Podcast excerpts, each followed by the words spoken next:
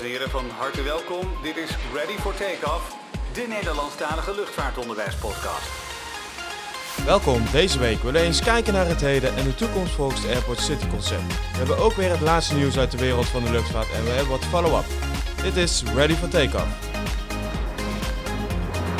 Fasten your seatbelts, hier zijn Sonet en Mark. Ja, zo net zijn we weer. Een eh, nieuwe aflevering eh, weer eh, vanuit huis. We zitten weer op afstand van elkaar. Weer met Microsoft Teams en onze eigen voorbereidingen voor onze neus.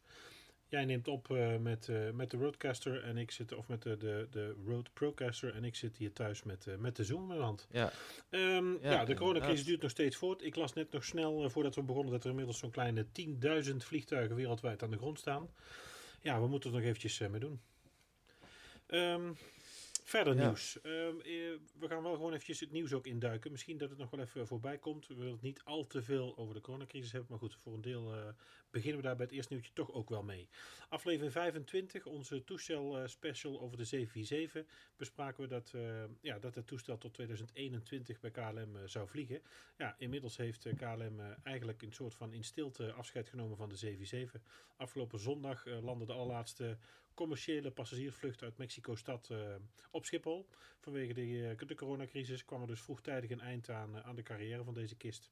Nou, wij zeiden ook al dat die ehm, eh, in onze aflevering over de 747 aflevering 25, eh, dat het type 1971 voor het eerst werd ingezet en heeft dus nu bijna 50 jaar bij KLM gevlogen en is dus nu echt officieel uit dienst.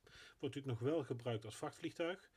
Eh, overigens ook bij Qantas eh, was zondag de laatste vlucht, ook uit Zuid-Amerika heel toevallig. Zij vlogen de laatste vlucht van Chili naar Sydney, dus de andere kant de wereld over. ja. Ja.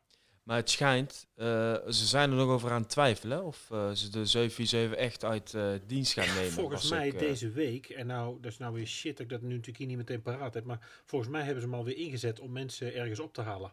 Dus hij is officieel commercieel dus uit dienst. Hè. Er wordt in principe nu geen tickets verkocht.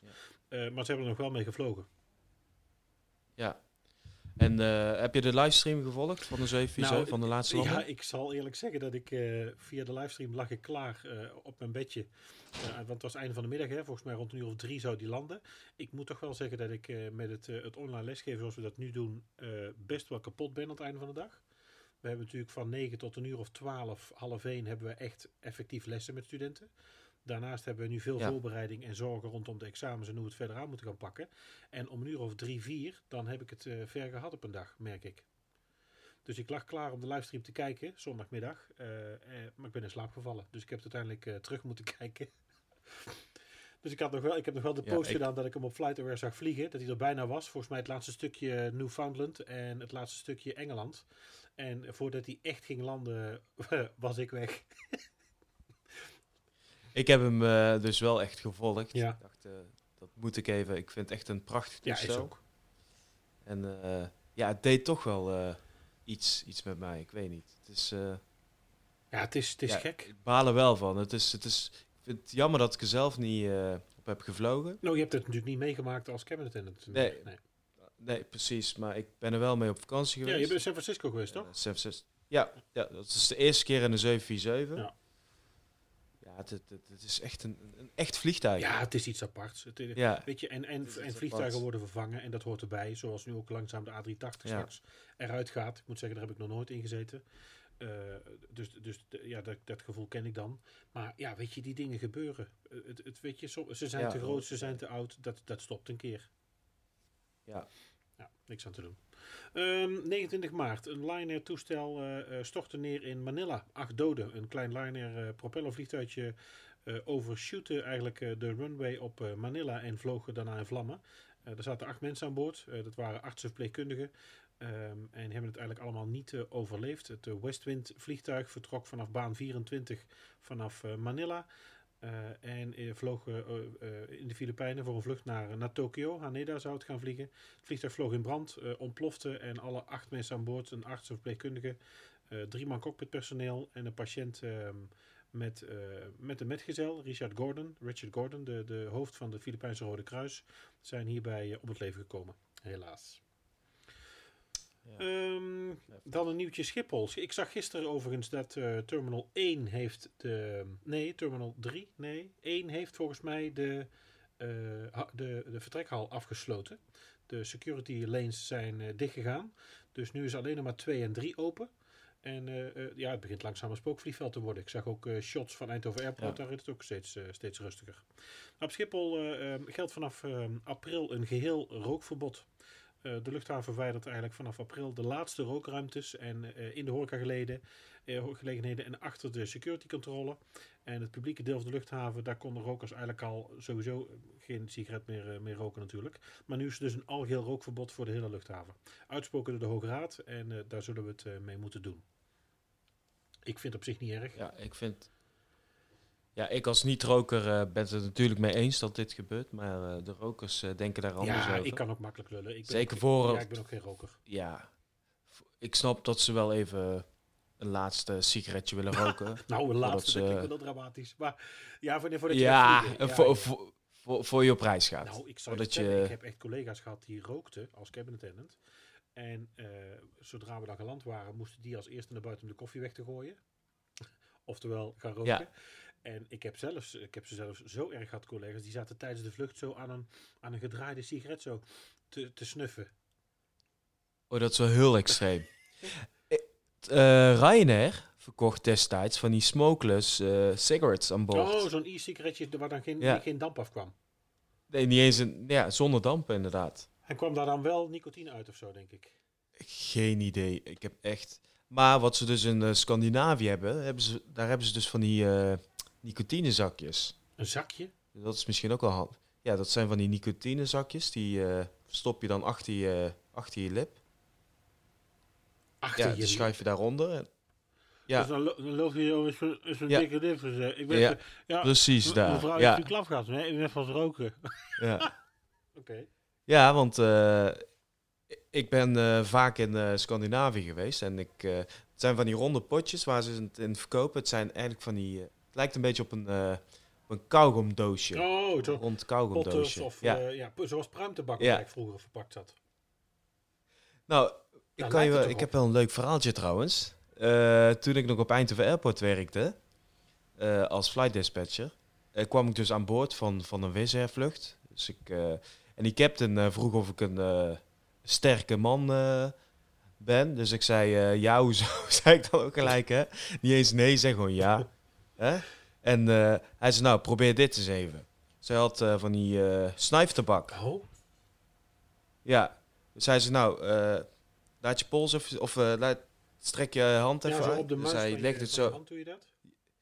ja, op een muis van mijn hand inderdaad. En hij zei, ja, nou, ga maar snuiven. Ik zei, hè, wat is dit nou? Ik had het echt nooit in mijn leven gezien. Nee. En, maar ik heb het wel geprobeerd. En? Zo, mijn neus, die vloog in brand, letterlijk. Want het was, eh, het was met, het was een mint smaak. Oh, jezus. Waarom zou je dat doen ook? Ik dacht, ja, nu moet ik, eh, nu moet ik het ook echt doen, hè, want ik heb gezegd dat ik een sterke oh, maar dat ben. gaat toch ook zo je longen Dus, in? Verschrikkelijk. Ja, maar echt, die, die captain vergeet ik nooit En meer. waarom zou je ook sowieso van een vreemd iemand ineens zeggen van snuif dit even op? Ja, ja, die vindt het leuk natuurlijk om ons voor de gek Nee, maar houden. dat doet, dat is iets anders. Ja, ik ben dan misschien een beetje bangig, maar... Ja, dan zou het wit moeten zijn, toch? Ja, dat moet, dat moet van mij niet, maar... Ja. Nee, snuiftabak. ja, maar ik, eh, ja, ik, ik vergeet dat nooit meer. Nou ja. Maar dat was dus een captain. eh, Nou, ik denk ook niet Ja. dat ze het gaan verkopen in ieder geval hier in Nederland. Je, dus eh, op Schiphol. Het is ook, ook al langer aan boord. Natuurlijk zijn er ook al een tijd geen sigaretten meer, hè? Dus je kunt ook sowieso eh Nee, klopt. aan boord ook al een lange tijd niet meer kopen. Maar goed, nu mag je het dus ook Ja. op eh, Schiphol niet meer gebruiken. Ja, niet meer roken. Ja. Eh, vorige week hadden we het over eh, de eh, frequent flyers. En waar je het beste kunt sparen. En wat dan de kleine lettertjes eigenlijk zijn. En heel grappig, dat zul je altijd zien een paar dagen daarna nadat we hebben opgenomen. Maakt de KLM bekend dat ehm, je punten, die, dat je ze niet verliest. Dus de, ik, ik zei volgens mij, vertelde ik ook al dat ik wel punten had staan. En op een gegeven moment een jaar later en je gebruikt ze niet, dan ben je ze kwijt. Nou, KLM heeft bekendgemaakt Ja. dat ze, eh, nou, zij, zij zeggen, we zijn van mening dat dit bijzondere maatregelen zijn in die bijzondere tijd. Dus je verliest je punten niet voor het einde van 2020. Je neemt ze dus gewoon mee. Ook al kun je dus nu niet vliegen en ligt dat dus niet, eh, niet aan jezelf. Nou, grappig hè? netjes, ja. Ehm, dan zie ik, eh, is dat van jou? Heb jij een nieuwtje? Ja. hè? Ja, de Aalsmeerbaan op Schiphol wordt dus tijdelijk gebruikt als parkeerplaats voor, eh, voor de ik vliegtuigen. daar staan er een hoop Er staan nu dus ook een aantal, eh, Daar staat een aantal geparkeerd. Ja. Eh, ik zag de 747 staan. volgens mij ook triples. een Airbus. Dus ja, het is apart om te zien. Ja, het is gek. Je bent natuurlijk gewend om een lege, lege baan Ja, te er zien. zijn tik- nu zie je ineens een baan met heel veel vliegtuigen Ja. Erop ja, er zijn, er zijn van dat soort foto's. Ik heb ook al eh, deze week wat meerdere gedeeld op, eh, op socials volgens mij van Aust- Austrian Airlines en van Swiss. En je ziet eh, van United alle kisten aan de grond staan. Daar staat heel Atlanta mee vol. Ja, American. Ja, het is echt, het ziet er heel raar uit. We zien ze het liefst vliegend, maar goed. Ja, er is, ja, er is dus plaats voor eh 25 vliegtuigen op de. In een totale lengte. Ja, het ligt natuurlijk een beetje aan 25. welke. Ja, ja gemiddeld tussen de 40 en de 60 Ja, meter is zo'n beetje kijk. een widebody. Als je daar alleen maar Embraers neerzet, dan eh, kun je er meer Ja, kwijt. iets wat scheef. Ja. Ehm, nou, Ja. eigenlijk ook nog over corona. En- Je had ook nog een apart nieuwtje. Nou, ja, meer. Sowieso over corona en de, eh, nu natuurlijk al die kisten stilstaan. Luchtvaartmaatschappijen mogen dus ook nu gedupeerde klanten, eh, gaan, ja, gedupeerde klanten gaan compenseren met vouchers. Overigens blijven vaak tickets wel geldig, of blijft in ieder geval wel je aangekochte. je, je, je mag wel gewoon de afstand nog gaan reizen, maar op een ander moment. Eh, maar eh, de minister van, van Infrastructuur, eh, mevrouw Nieuwhuizen, heeft eh, bepaald dat volgens de EU-wetgeving, eigenlijk daartegenin, eh wil de minister het tijdelijk gedogen om in verband met de crisis ehm, toch nog wel vouchers uit te geven dat mensen altijd nog kunnen gaan vliegen. Ehm, eh, er zijn wel voorwaarden aan, eh, eh, aan gelinkt. Die vouchers mogen maximaal 12, jaar, eh, 12 maanden geldig zijn. Dus je moet eigenlijk binnen een jaar weer gaan vliegen. Passagiers moeten na het verloop eh, van die voucher toch het ongebruikte deel uitbetaald krijgen. En het initiatief tot uitbetaling moet overgaan eh, van eh, de luchtvaartmaatschappij. Dus die moeten zelf komen om dat eh, op te lossen.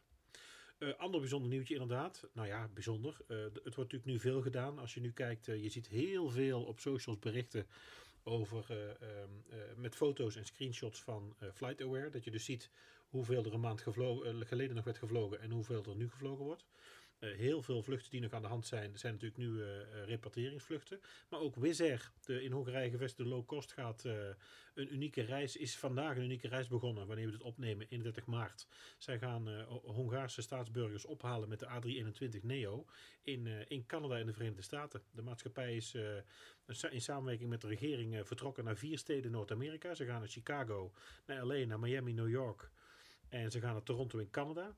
Eh, het zijn twee Wizz kisten. Ze zijn vanmorgen vertrokken om eh, kwart over acht en eh, tien voor half negen. Vanuit Budapest, Frans Liszt Airport. En ze zijn dus via Keflavik met een tankstop en een technische stop doorgevlogen met die A320's naar, naar de States. Bijzonder. Voor de bemanning ook een bijzonder Ja, feit, denk ik. Want die komen Ja, precies. Dat wil, ja, dat wilde ik net zeggen. Die zijn alleen Europa-vluchten gewend. Ja, ook. Ja, oké. IK, daar Ja, valt dan ook Tel Aviv en zo onder. Ja. Of Dubai. Maar eh, dit is natuurlijk wel een hele. Dit zijn wel bijzondere vluchten. Wat ik, Ja, het zijn dus twee kisten. Hè. Eén kist Ja. is dus eh, vertrokken eh, naar Keflavik. Keflavik, Miami, dan Chicago, dan nog Toronto en dan weer via Keflavik terug. En de tweede A321 is naar Kev, dan naar LA eh, en stopt dan op New York om te tanken. En vliegt dan nog een keer door naar IJsland en dan terug, eh, terug naar huis. Dus ze moeten eh, één tot twee keer een tankstop maken om het, om het stuk af te leggen. Ja. Ja, nou goed, fijn dat die mensen ook naar huis kunnen. Dat is natuurlijk belangrijk in deze tijd. precies. We hebben hier KLM en Transavia Ja. ook een heel groot aandeel in gehad, volgens mij. Ja, en ja, Hongarije heeft ook niet echt grote luchtvaart. Het is de grootste luchtvaartmaatschappij van Hongarije ook. Hè, ja, Air. meer hebben ze niet. Ja, meer hebben ze ook niet. Dus ja, zij moeten wel de toestellen van Wizz Air inzetten. Of ze moeten er een gaan leasen. Ja, en dat is natuurlijk nu lastig. Veel mensen hebben natuurlijk stilstaan. Je kunt Ja. nu zomaar ook niet een vlucht krijgen of een vlucht geleased krijgen. Dat is natuurlijk ook een, eh, een probleem. Ja. Ja. Ja, maar goed. De, de Neo's zijn ook eh, die zijn efficiënt. Hè? En daar kunnen 230 passagiers in. Dus je kan er best een hoop. eh, nou, daar kan dus gewoon ophalen. 460 man naar huis nu. Nou, dat is natuurlijk ook fijn. Ja. hè? Precies. nieuwtje weer uit Seattle. Ja, het stopt niet rondom Boeing. Eh, het is natuurlijk ook eh lastige tijd nu voor Boeing. Veel toestellen staan stil. Eh, de MAX staat nog steeds aan de grond. De fabrieken zijn gesloten wegens het coronavirus. Veel mensen zitten thuis en ze hebben staatssteun aangevraagd. En heel grappig, opvallend, dat nu- juist nu Boeing ook een steuntje in de rug krijgt in deze tijd. Er komt een, een order aan voor 18 eh, P-8 Poseidons. Weet jij wat dat zijn? Dat zijn van die militaire vliegtuigen. Ja, het is een 737 omgebouwd. Eh, het is een, ehm, eh, nou, de order is totaal eh, 1,5 miljard dollar. Het zijn 18 toestellen, waarvan er 8 voor de Amerikaanse marine zijn, 6 voor de Zuid-Koreaanse marine en 4 voor Nieuw-Zeeland. Het is inderdaad een, een maritieme 737 en die zetten zij in voor eh, ja, patrouillevluchten, ehm, bestrijden van onderzeeërs. Ehm, eigenlijk wat, wat hiervoor bijvoorbeeld eh, de marine deed met, eh, met de Lockheed eh, P3, met die Orions. En daar worden ze ook voor gebruikt. India heeft ze volgens mij ook. Het zijn eh, aanpassingen en verstevigingen in de romp, waardoor die lagere hoogte kan gaan vliegen. Eh, hij heeft een ander vleugeleinde en er is ruimte in de romp waar eh, torpedo's en raketten kunnen worden eh, opgeslagen en gelanceerd. Om dus onderzeeërs uit water te blazen. Ja, hij lijkt... eh, ik ben eh, nu eh, op Google aan het kijken echt? hoe het eruit ziet. Maar de vleugels lijken echt exact op de vleugels van, eh, van de Triple 7300. Zo'n Ja. stomp eh, eind. Hetzelfde uiteinde. Ja. Ja, dus ze kunnen er meetzonders mee afdroppen. Er zitten vensters aan om naar beneden te kijken. Ehm, het is wel een, een sterkere kist, want de straalmotoren eh, gekoppeld met de generators hebben het dubbele vermogen ten opzichte van een gewone burger, eh, civiele eigenlijk, civiele versie. En dit toestel kan met achter een boom hangen en kan dus ehm, eh, bijgetankt worden Oh, vet. in de lucht. Ja, ja. Nou, dus dat is een, ehm, ja, ik denk een goed vooruitzicht voor, eh, voor Boeing, want dat zullen ze ook eh, hard nodig hebben. Ehm, en het laatste nieuws hier eigenlijk uit Nederland is dat eh, de opening van Airport Lelystad inmiddels is uitgesteld naar november 2021. Ja, dat las ik net. Mocht het ooit nog open gaan. Ik, ik denk zelf van niet. Maar goed, dat moeten we zien. Ehm, Zeker nu niet meer, wat denk zei ik. je, sorry? Zeker nu niet meer. Nou nee, dat is zeker nu niet de tijd. Eh, dan met de stikstofregels natuurlijk al helemaal niet. Eh, ja, weet je, het geluid niet. Eh, nou ja, we zullen het zien. We moeten het afwachten. Ehm, dan is het tijd voor wat follow-up en wat luisteraarsreacties. Overigens iedereen weer heel erg bedankt voor de reactie op al onze acties en op onze afbeelding op, op de socials. We zijn vol- eh, volop online te vinden en we krijgen ook heel vaak reacties en leuke gesprekken en discussies. In ieder geval bedankt daarvoor. Speciaal verd- bedankje vandaag voor eh, Tim Beren. Tim is een, eh, ehm, een freelance eh, grafisch ontwerper, onder andere voor de Efteling. Dus daar snap je meteen waarom ik hem ken en, eh, en eh, met hem in gesprek kwam zo via de socials. En eh naar aanleiding van ons gesprek kreeg ik van hem een mooie ontworpen steampunk-achtige kaart. Met erop een ballon, geïnspireerd op eh, Jules Verne en zijn reis om de wereld in 80 dagen. Ehm, ik heb hem volgens mij op onze socials gezet, dus daar is hij nog te zien. En wil je meer zien van Tim, ga dan naar tim-design.nl. En daar kun je meer van zijn werk zien en wellicht in contact komen en ook zo'n kaart bestellen of wat dan ook. En dan heb ik er voor jou wat, eh Sonair. Er is een nieuw, eh, een nieuw YouTube-account, eh fboys underscore. En zij maken simulator-video's. Dus jij zit nog wel eens op eh, Infinity Flight, hè? Infinite Flight, Ja, ja, de- ja, ze zijn al bezig met de 777 om die te updaten. Dus ik hoop dat die update zo snel mogelijk uitkomt. Zeker nu, hè. Ja, Maar ja, ze verwachten dat het in april eh, wordt uitgebracht. Ik ben benieuwd of er Dus, ook eh, meer vliegers, eh, net zoals nu Max Verstappen natuurlijk volop bezig is met simulator races. Of nou piloten ook met z'n allen maximaal in de simulators springen online. Ben, ben benieuwd. We moeten nog een keer samen in zo'n 737 simulator Had een zitten. echte. Een echte, Nou, ja. dat kunnen we volgens mij nog wel regelen. Ik denk dat ik nog wel iemand weet die dat ding heeft staan. Daar Ja. heb ik jou laatst een foto van laten Dan gaan zien. we, als alles weer, eh, weer normaal is, dan eh, gaan we een poging Ja, maken. dat is leuk. Kunnen we daar ook wel opnemen, schappig. Dan ben ik wel de captain, hè? Ben jij de first officer? jee, ben ik weer co-piloot. Nou, ik zal wel koffie halen. In ieder geval, wil je meer weten en wil je meekijken, dat is tegenwoordig ook wel gebruikelijk. Kijk op fboys underscore. Er is een F met eh, hoofdletter A en boys ook met een hoofdletter B. Overigens een tip van eh, Thomas underscore eh, EHV 040, Thomas eh, Eindhoven 040. Hij is van F-Boys en kwam ook met het idee of met de tip om te kijken bij Swiss 001. Dat is ook een, eh, een simulator gamer die ook alles eh, opneemt. En daar kun je veel van, eh, van deze video's zien. Dus daar kun jij nog eens wat opsteken hoe je nou wel netjes zo'n vliegtuig aan de grond zet, eh, Soner. Ja, Heb jij dan ook een tip? Wil je ons ook iets laten weten? Dat kan natuurlijk altijd. We zijn snel te bereiken op Twitter. Daar zijn we take underscore ready. Instagram zijn we ready for takeoff pod. En mailen mag altijd naar ready for takeoff at summercollege.nl. Eh, vind je het handig om eh, de website te bekijken of daar te reageren? We hebben daar een reageren pagina. Dan komen de mails bij ons uit. En dan ga je naar summercollege.nl slash ready for. Dat voor de nieuwtjes en de huishoudelijke mededelingen. Nou, is het denk ik tijd om uh, het hoofdonderwerp in te duiken. Een korte inleiding daarvoor is dat dit weer een, podcast is eigenlijk op verzoek. Onze collega Helene van Bremen geeft uh, bij ons op school uh, alle groundlessen. Alles wat te maken heeft met de luchthavens, op de luchthaven, het vliegveld, inchecken en voordat we gaan vliegen.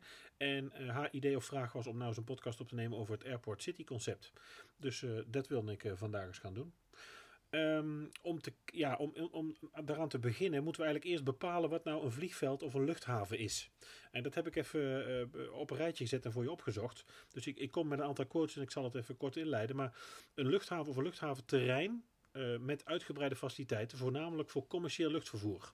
Dat is de definitie van een luchthaven.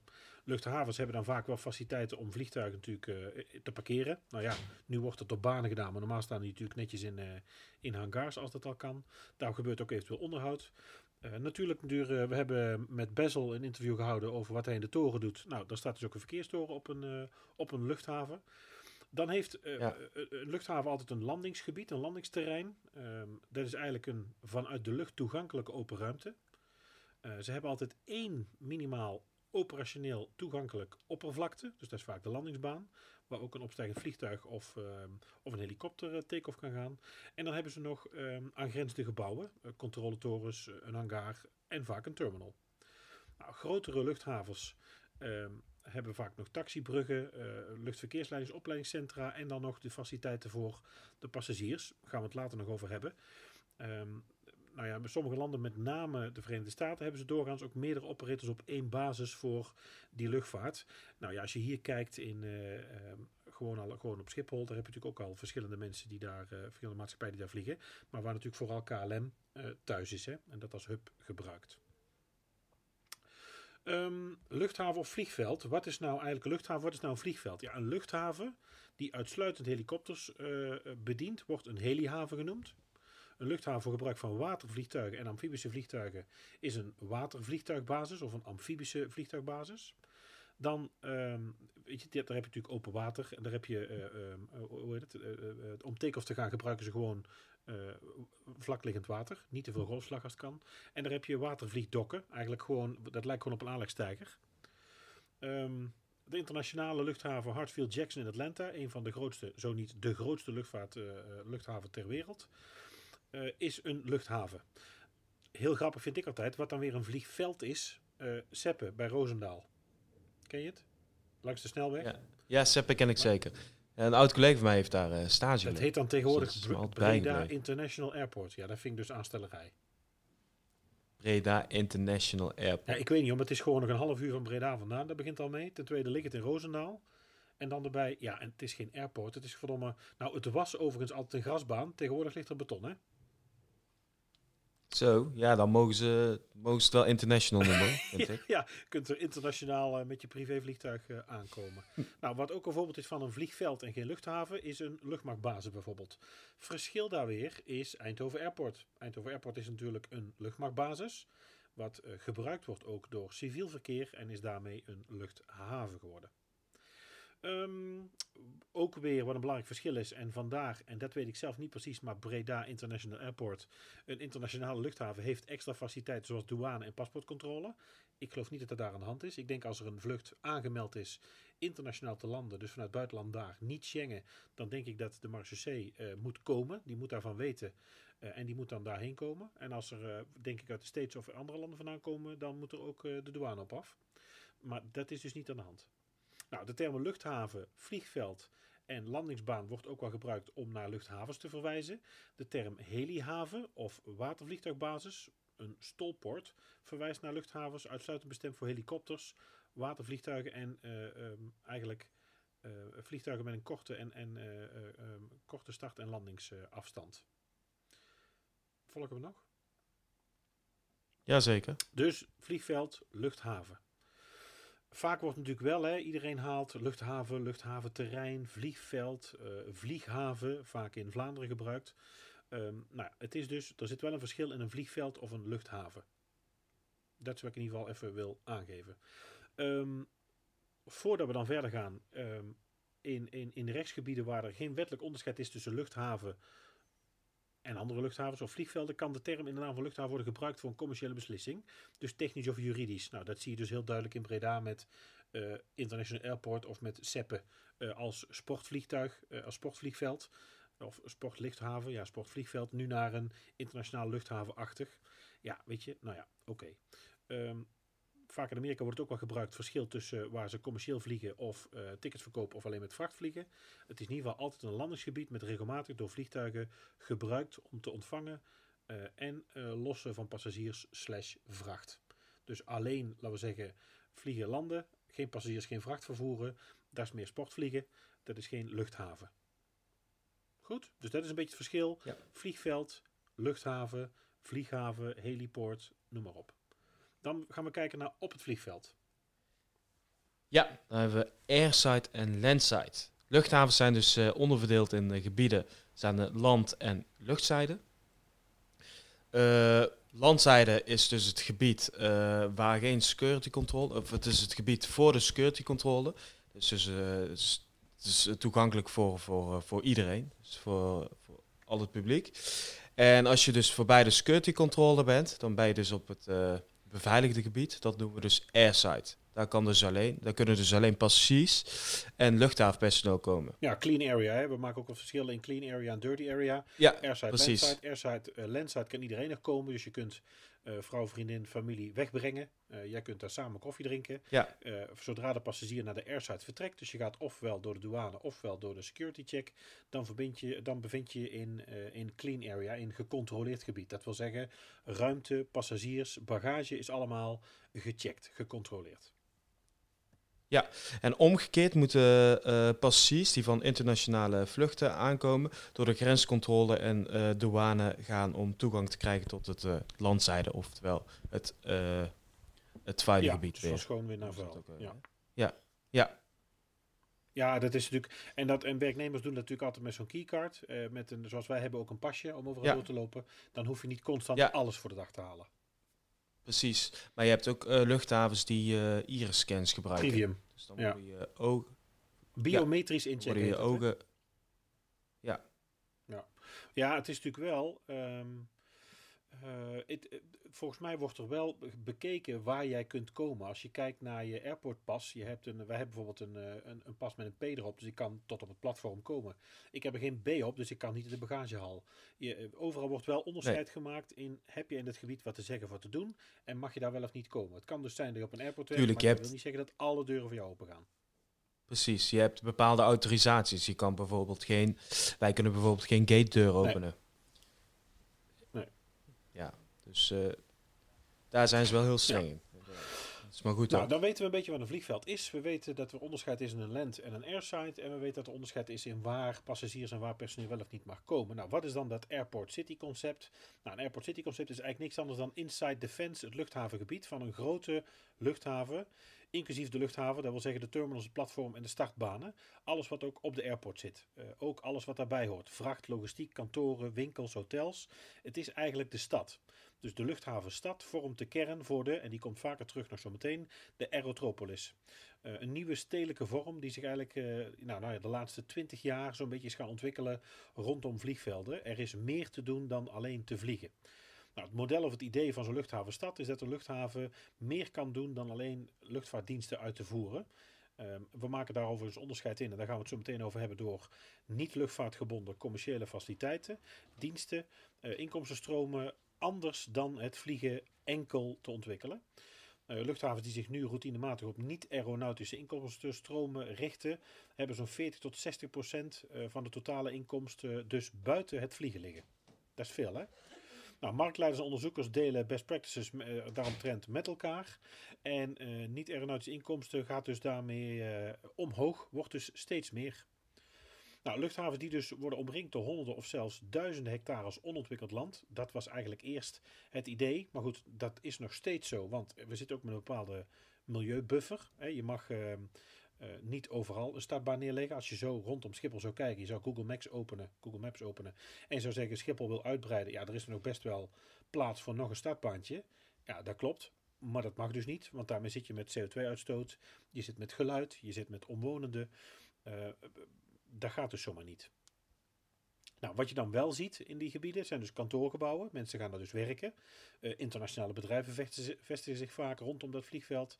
Er komen natuurlijk hotels om passagiers op te slaan alvast te bewaren, alvast uh, aan te komen of daar te wachten voor je gaat vliegen, alvast je eerste nacht hebben voor je vertrekt, of natuurlijk ook om op te vangen als er vliegtuigen vertraagd zijn en van de grond komen te staan. Vaak zie je ook dat er uh, congrescentra komen om dus meteen kort nadat je hebt gevlogen een congres te kunnen doen en snel dat je na het congres weer weg kunt. Er zijn wat medische voorzieningen natuurlijk, mocht het nodig zijn. Zelfs amusement- en themaparken. We hebben daar volgens mij, en dat schiet me nou te binnen. Ik weet niet meer welke aflevering dat is, maar we hebben het gehad over uh, die, uh, die Airport City passen. Maar uh, ik weet niet welke aflevering het was dat er vliegvelden zijn die dus nu kaartjes verkopen of tickets verkochten. Om dus gebruik te mogen maken van de faciliteiten op het vliegveld. Zonder dat je zelf zou gaan reizen. Nee, ik weet ook niet welke het is. Um, nou, dat concept van die luchthavenstad dat bestaat eigenlijk uit een aantal elementen die elkaar dus versterken. Dat zijn dus services en faciliteiten ontworpen om de reizigers door het hele proces te krijgen. En bij het ontwerp van die stad gaan ze dus rekening houden met meer, dus dan passagiers en vracht, uh, maar ook met bedrijven, werknemers en met bewoners. Dan is er een heel mooi onderzoek geweest. Um, als je kijkt van uh, John Cassarda, als je daar meer van wil weten, google even zijn naam, John Cassarda met een K. Uh, hij schreef uh, het onderzoek Global Airport Cities. Heeft hij een, een, visie en bepaalde drivers van die luchthavensteden bepaald volgens infrastructuur. En dat zijn eigenlijk vier punten. Puntje 1, het creëren van niet-aeronautische inkomstenbronnen en het dienen van traditionele luchtvaartfuncties. Dus die combi met we gaan nog steeds gewoon vliegen, we gaan nog steeds passagiers afhandelen, maar daarnaast hebben we ook um, um, niet-aeronautische inkomsten. Dus gaan we ook geld verdienen aan iets wat niet met per se met vliegen te maken heeft. Nou, dan streven naar commerciële sector, naar betaalbare toegankelijke grond. Oftewel, de luchthaven gaat ook andere bedrijven toelaten en gaat ruimte verkopen of verhuren. Nou, goed voorbeeld daarvan is denk ik onze school. Als je kijkt dat Summer College huurt van Eindhoven Airport straks, de, nu nog steeds, maar straks ook de ruimte voor onze school. Dus wij zijn een niet direct eigenlijk aeronautische inkomstenbron voor de airport. Uh, meer gateway passagier en vrachtverkeer. Dus dat er ook meer vracht wordt vervoerd in combinatie met uh, passagiers. Dat wil zeggen, natuurlijk onderin het ruim gaat altijd wel vracht, maar ook vrachtvliegtuigen. Dat is op Eindhoven bijvoorbeeld nog niet zo aan de hand. Uh, we zien daar wel vrachtvliegtuigen van, uh, van Defensie en van andere buitenlandse defensie-eenheden. Maar vrachtvliegtuigen civiel eigenlijk niet. Hè? En dat zie je op Schiphol weer wel heel veel. Ja, Maastricht komen ze ook veel. Ja. En dat luchthavens een katalysator en een magneet moeten zijn voor bedrijfsontwikkeling aan de landzijde. Dus dat daar dus meer moet komen. Nou, je ziet dat nu ontstaan als je eigenlijk kijkt, bijvoorbeeld, goed voorbeeld daarvan is Schiphol sowieso met alles wat daar staat omheen. Kijk maar eens Google Maps, rijd er maar eens rond. Um, het is nu ook rustig, dus nu zou je rond kunnen gaan rijden. Dan zie uh, zie ook heb je meer tijd om te kijken. Maar ook bij ons op Eindhoven Airport, als je kijkt wat daar direct omheen op het Flight Forum, vandaar dat het ook weer zo heet, Flight Forum, aan bedrijven zit, is dat ook allemaal weer uh, commercieel interessant. Nou, wat voor commerciële activiteiten zijn er dan? Ja, de, de meest voorkomende commerciële activiteiten op, uh, op een luchthaven eigenlijk, zijn de belastingvrije winkels dat tegenwoordig belastingvrij ja, uh, lastig. Ik, ik, ik, noemen, met studenten hebben we het er ook vaak ja. over. Hè. Als je kijkt, de winkel beneden, de, is het de Shop and Fly, heet het op Eindhoven? Shop and Fly. Ja, dat heeft, heeft wel een nieuwe naam gekregen, oh volgens mij. Ja, ik kom daar dus nooit. Ik weet het ook nou, niet. Ja, de, de, maar de by Fly ja. winkels in de tassen op Schiphol. Ja, belastingvrij wordt het heel snel ja. genoemd. Zo werd het in de lucht ook vaak genoemd. Maar dat is het natuurlijk niet. Zolang jij binnen Schengen vliegt, uh, niet internationaal vliegt, betaal je gewoon belasting. En is het vaak, heb ik het idee, duurder dan de, in ieder geval qua parfum, uh, dan de IC Paris uh, in de stad. Ja, en dan hebben we lounges van de luchtvaartmaatschappijen. Dus het zijn lounges waar we het al een keer eerder over hebben ja. gehad. Welke aflevering was het? Ja, dat ben ik, ik zoek ondertussen even. Ja. Uh, dat dus. Uh, restaurants, catering en andere voedseldiensten. Ja, als je kijkt catering, de grote dus cateringbedrijven, ook de aanvoer zit natuurlijk ook bij, uh, bij de airport in de buurt. Als je kijkt, KLM Catering Services zit ook bijna op Oost, van de, aan, de, aan de snelweg. Ja. En uh, Van Egem, het cateringbedrijf op, uh, op Eindhoven Airport, heeft ook direct toegang tot platform. En levert daar dus ook spullen. Ja. Zoals op Eindhoven Airport ook... hoe heet dat nou? Wat? Ja, dat weet ik ook niet meer op Airside. Wat? Vroeger heet uh, de Farmfield, toch? Of, uh, of, of uh, formaat. Formaat nee, fa farm, zoals... Ja, La- nee, Laplace, maar op Airside. Op Airside? Ja, daar hebben ze ook van die food corners. Ja, dat is toch ook gewoon van formaat? Ja, het is allemaal veranderd. Dat is toch van formaat gewoon? Ja, maar hoe heet het voor de passies? Oh, ja, nee. de- nou ja, je hebt gewoon je hebt de, hoe heet het, de Bavaria kroeg zit er. Sportcafé. Het sportcafé. Dat zouden, dat zouden ze dus eerst het sportcafé Zit, doen. maar eh, ik ga nu gelijk Eh, van Zitten we hier nou gewoon... Ja, we, nou, nou ben ik al vier weken niet meer op vliegveld geweest. Maar zitten we nou hier gewoon... Weten we nou gewoon niet wat nou, hoe nou alles nou airside heet? Nou, dat is wel heel verschrikkelijk. Ik ga gelijk zoeken. Ja, Op de luchthaven. want ik weet alleen de oude termen heb ik onthouden, maar de nieuwe... Nee, Ja, het is natuurlijk van naam veranderd. Nou ja, weet je, Ja, eten en drinken. Ik ga Ja, kijken het is- We hebben Het is allemaal vernieuwd, het is veranderd. nou winkelaanbod. ehm, eh, eh, heb je, voor eten en drinken heb je AH to go bij ons. la- landzijde. Ehm, Waar de studenten heel veel gebruik van maken. En ik ook Cloud trouwens. Club, nog steeds Farm Food and Drinks. de Laplace.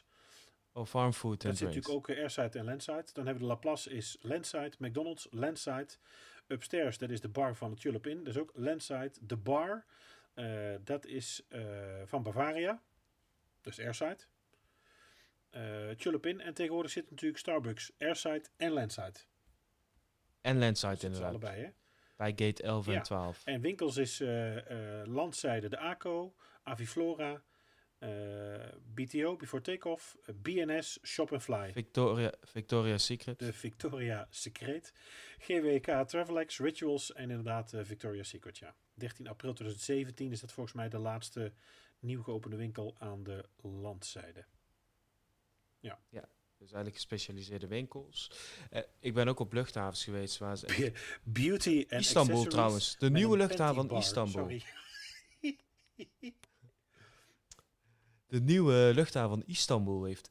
Het is net een shoppingmall daar. Het is echt eh, onwijs groot. Eh, je hebt allerlei eh, dure winkels ook, hè, zoals Louis. Vuitton, Gucci, Armani. Budapest is volgens mij ook zo mooi. Ook helemaal spierwit en ook met winkels mooi, heel modern. Ziet er ook heel mooi uit.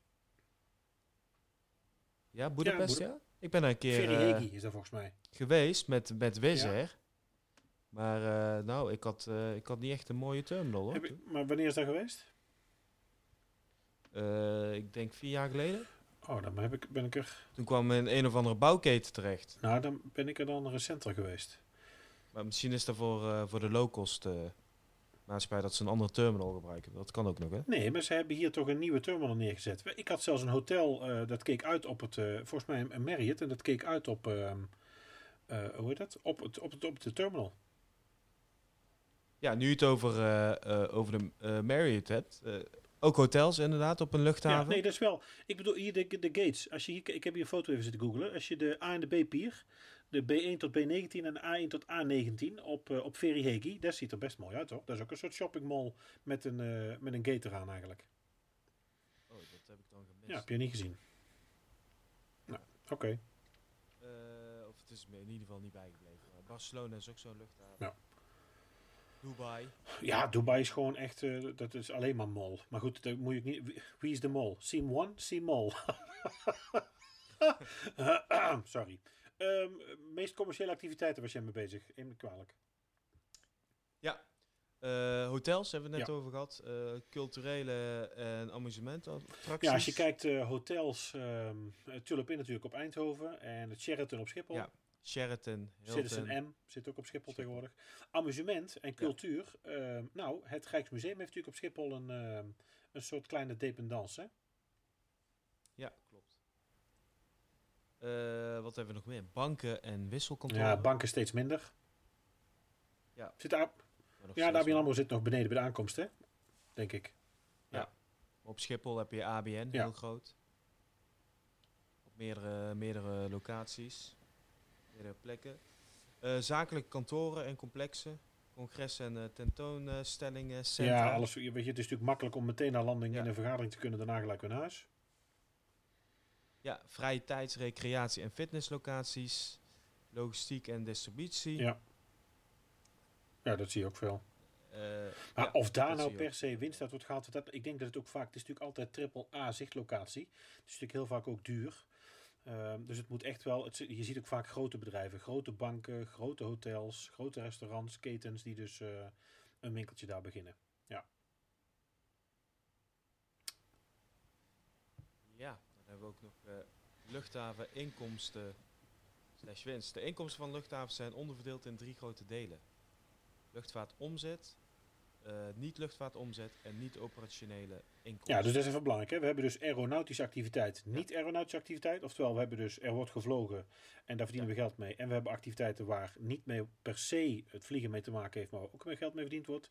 En dan hebben we nu die, die andere, om de inkomsten, om te laten even te kijken waar nou de grote winst zit, hebben we dus luchtvaartomzet. Dus wat direct wordt verdiend met het geld. Ga jij zo meteen verder vertellen. De niet-luchtvaartomzet, dus wat er niet direct mee te maken heeft. En de niet-operationele inkomsten. Dus alles wat niet per se met uh, het vliegen aan zich of de operatie van de airport te maken heeft. Precies. Ja, de inkomsten uit de luchtvaart maken 56% uit uit de inkomsten uh, niet-luchtvaart. Uh, maken 40% uit en de inkomsten uit de niet-operationele activiteiten vormen 4% van de totale inkomsten van de luchtvaart. Dus niet operationeel, mm -hmm. maar 4%. Ja. De luchtvaartinkomsten worden gegenereerd door huurprijzen van de luchtvaartmaatschappij, landingsgelden, servicekosten voor passagiers, parkeer, uh, parkeren, tarieven en kosten voor hangaars. Landingskosten worden per vliegtuig in rekening gebracht voor het landen van het vliegtuig op een luchthaventerrein. En landingsrechten worden berekend op basis van het landingsgewicht en de grootte van het vliegtuig. Dat varieert, maar de meeste luchthavens hebben een vast tarief en een toeslag voor extra gewicht. De servicekosten voor passagiers zijn kosten per passagier voor de faciliteiten die op een vlucht worden gebruikt, zoals water, eten, wifi uh, en shows. Die worden betaald tijdens het betalen voor een uh, vliegticket. Ja. Vliegtuigen parkeren is ook een belangrijke inkomstenbron voor luchthavens. Vliegtuigen, vliegtuigen worden voor of na het opstijgen een bepaalde tijd geparkeerd en moeten betalen om daar te parkeren. Elke luchthaven heeft zijn eigen tarieven voor het parkeren, maar op de luchthaven John F. Kennedy in New York rekent uh, 45 dollar per uur voor het vliegtuig uh, van uh, 100.000 pound. En de prijs stijgt met het gewicht. Ja, dus, dus hoe groter je kist is, wat zeg je? hebt. Stel je voor dat je vertraging hebt, dan moet je daar dus ook meer voor gaan betalen. Ja, en, en, of worden er dan uitzonderingen Nou, dat denk ik niet. Nee, dat denk ik niet. Want weet je, die kosten gaan natuurlijk omhoog. En dat is natuurlijk de reden dat iedereen natuurlijk die OTP wil halen, die on-time procedures. Je moet natuurlijk allemaal zo rap mogelijk weg. Want landen kost overvliegen kost geld, landen kost geld en parkeren kost eigenlijk nog meer. En dan steeds dus per uur en ook per ton. In ieder geval per tonnage. Je gaat dus per uh, hoe zwaar die vliegtuig is, hoe ja. meer je gaat betalen. Ja. ja. Ja, zullen nu natuurlijk wel uh, uitzonderingen worden gemaakt hè, met corona. Dat vliegtuigen hebben staan. Het zal nu moeten. Ik denk dat er uitzonderingen worden gemaakt. Maar zou het ja. gratis zijn, denk je? Dat niet, denk ik. Maar ik verwacht wel dat zij uh, uitzonderingen zullen maken. Maar dat het wat goedkoper zou zijn of zo? Ja. ja, gratis zal het niet zijn. Weet je, de airport moet ook verder. Uh, en anders hebben natuurlijk meer mensen er nog meer last van. Anderzijds natuurlijk de volle map vragen de maatschappij die nu amper of niet verdient. Ja, dat is natuurlijk ook lastig. Ja, ben benieuwd. Geen idee, moeten we misschien eens uitzoeken. Ja. Uh, de niet-luchtvaartinkomsten worden verkregen door andere zaken dan vliegtuigoperaties. Het omvat lease-inkomsten uit compatibele ontwikkeling van landgebruik, luchtvaartgebonden lease van gebouwen, verkoop van winkels en concessies, verhuur van auto's, parkeren en reclame op de luchthaven. Concessieinkomsten zijn een groot deel van de niet-luchtvaartgebonden inkomsten die luchthaven verdienen via belastingvrije winkels, boekhandels, restaurants en geldwissels.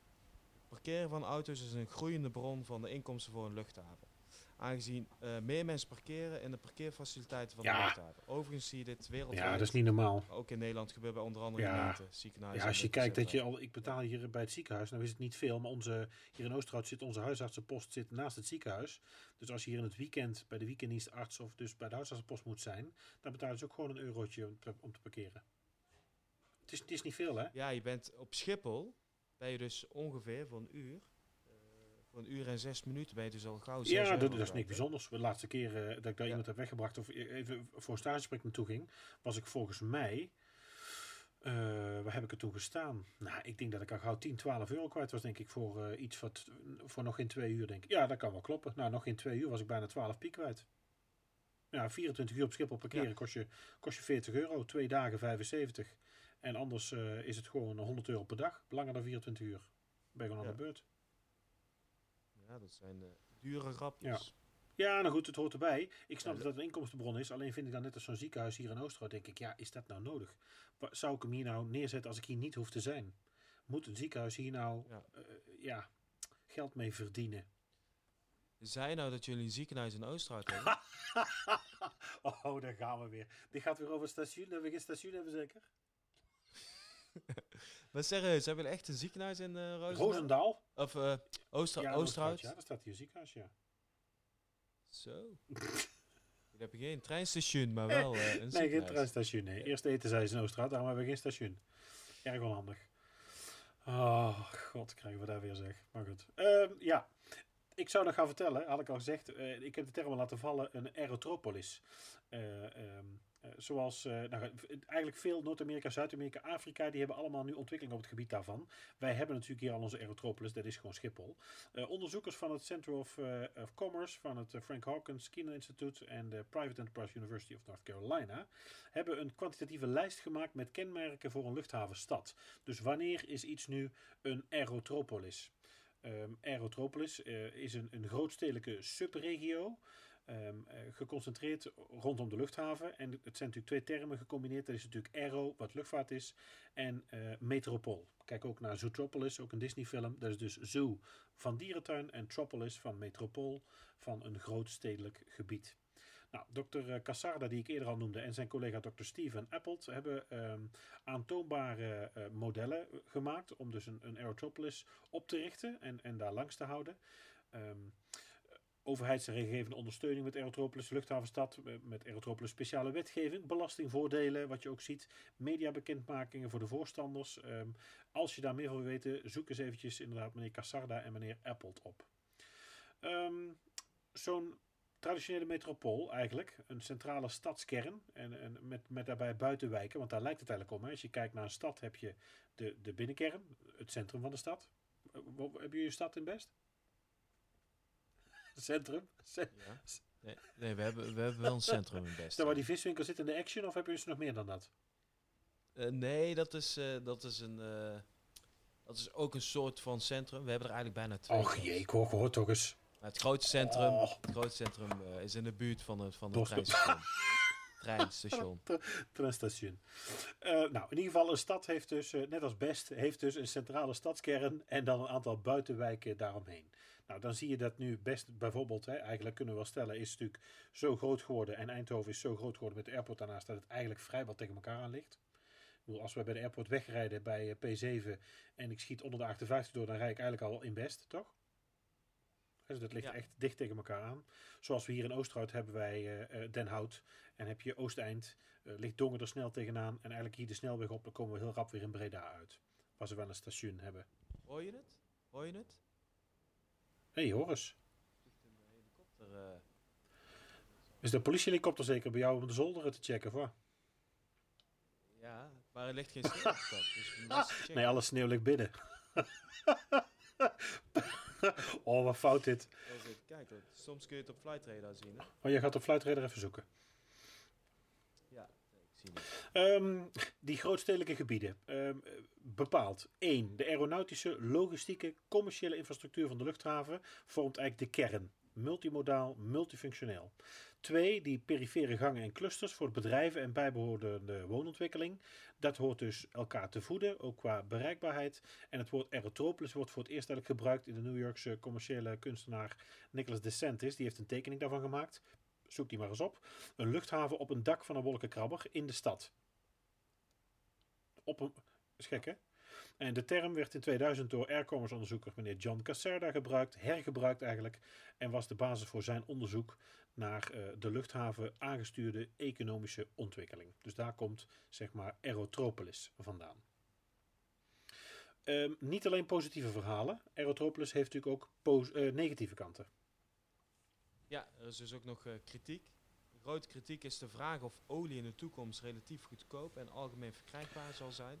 Dat er terugval in een wereldwijd eh, eh, olieproductie, de luchtvaart en daarmee de Aerotropolis nadelig zou Ja, piekolie. Als je nu kijkt, hè, we hebben natuurlijk nu geen piekolie. Ja. Productie loopt nu niet terug, maar het is natuurlijk nu wel... ja, de prijs wordt nu wel beïnvloed. Doordat we natuurlijk minder gebruiken met z'n allen. Ja, en eh, anderen hebben het eh Aerotroop-model eh, bekritiseerd, omdat het aantal en de soorten goederen die door de lucht reizen overdreven. Hoewel veel soorten hoogwaardige goederen zoals elektronica meestal door de lucht worden vervoerd, grote artikelen zoals auto's en Nee, dat zijn vaak schepen, hè? Schepen en treinen. Precies. Degenen die hierop wijzen suggereren dat de relaties tussen zeehavens, luchthavens en spoorwegfaciliteiten beter moeten worden bestudeerd. Verdere kritiek op de Aerotropolis is onder meer het verlies eh, van landbouwgrond en bossen, eh, uitzettingen en of uitsluiting van lokale bewoners en de gemeenschappen van de economische voordelen van Aerotropolis. En het opsluiten van eh, koolstofarme infrastructuur voor de komende Ja. Als je kijkt ook, eh, vooral wat, hij, wat, wat hij ook zegt, ehm, is ook wat ik in de, bij de NLF-bijeenkomst eh, twee jaar geleden eh, gaf eh, ingenieur dokter, nee, even kijken, ja, in de universiteit docent, volgens mij is ingenieur, Joris Melkert van de, de TU in Delft, gaf ook een, een keynote en hij, hij sprak over de effectiviteit en vooral ehm, eh, hoe, hoe efficiënt de luchtvaart is ten opzichte van vervoer over de weg eh, met vrachtauto's, met auto's en ook vervoer over het spoor. Dat met name de luchtvaart best wel eh, zuinig is, best wel efficiënt werkt, maar alles daaromheen nog niet zo goed ontwikkeld is. Nou ja, kijk dus, een goed voorbeeld daarvan vind ik altijd, is natuurlijk eh, Eindhoven. Want wat zouden we daar wel graag willen? Wat zou wel handig zijn bij de airport, is natuurlijk om daar ook een treinstation te hebben. Om meteen met een trein, net als op Schiphol, op de airport aan te kunnen komen. In Ja. plaats van nu moet alles met bussen worden ontsloten met auto's. Ja, dat geeft natuurlijk logistiek, geeft dat problemen. Het zou ook eh, fijn zijn voor de studenten van ons die eh, uit Limburg komen. Ja, nee, ja, goed. Voor iedereen sowieso Is- het ja. natuurlijk veel makkelijker. Ja, voor Ja. iedereen natuurlijk, Ja. hè, maar voor onze school Ja. eh, heeft het ook Ja. eh groot belang. Ja, en eh, sociale critici beweren dat Aerotro eh Aerotropolis, wat een woord Ja. zeg, de belangen van het bedrijfsleven begunstigt boven de- die van mensen en dat de commerciële residentiële ontwikkelingen voor gemengde gebruik typisch en stedelijk sfeer missen. Sommigen hebben zich afgevraagd waarom mensen, ondanks vliegtuiglawaai, ooit naast een luchthaven zouden willen wonen. Iets wat natuurlijk eh, tot klagen leidt, wat eh, de groei van Schiphol, Eindhoven eh, en als het ooit open gaat, Lelystad, natuurlijk. Ja, als je, nou zeker. Als je natuurlijk nu kijkt, alle actiegroepen daaromheen. Ik vind wel mensen die natuurlijk nog bij een airport zijn gaan wonen. Denk ik, ja, is dat nou bij de hand? Dat snap ik niet. Eh, weet je, als je niet bij Schiphol woont of niet bij Eindhoven Airport woont, je gaat er nu wonen en je gaat dan lopen klagen over het geluid. Ja, dat vind ik een beetje raar. Het is natuurlijk wel zo, als je in de buurt altijd hebt gewoond en de luchthaven is daarna gaan groeien, ja, dan snap ik dat je natuurlijk best daar iets over mag zeggen. Ja. ja. Ehm, nou ja, volgens mij zijn we er verder heen, Soner. We hebben dus eh, eigenlijk nu, ehm, eh, hoe lang zijn we bezig? Want je hebt het klokje daar. 53. Oeh, 53. Dan moeten we snel gaan stoppen. Willen we weer onder een uur eindigen, wat wij altijd eh, proberen. Ehm, nou ja, samenvattend hebben we gekeken naar eh, wat een luchthaven is, de definitie daarvan. Het verschil tussen een vliegveld of een luchthaven. We hebben de verschillen besproken tussen luchtzijde en landzijde. Eh, we hebben gekeken naar luchtvaart en niet-luchtvaartinkomsten. Kijken, gekeken waar de winst zit voor een airport en waar meer geld mee wordt verdiend dan alleen het vliegen. Eh, we hebben kort eigenlijk het Airport City concept eh, besproken en we hebben gedefinieerd wat nou een aerotropolis is. Nou, nogmaals, wil je meer weten van die, eh, van die aerotropolis en wat dat precies is, zoek dan dus eventjes eh, Dr. Steven Appletop en John Cassarda. En wij zullen ook, ehm, als je meer zou willen weten, zullen we de link van eh Aerotropolis Business Concepts.arrow eh zullen wij nog eventjes delen in onze show notes op de site. Nou, heb je dan eh, vragen of ideeën, mag je altijd reageren via de socials, readyfortakeoff.summercollege.nl of ga naar summercollege.nl slash readyfortakeoff en op Instagram zijn we readyfortakeoffpod. Ik zeg eh, tot volgende week makkelijk.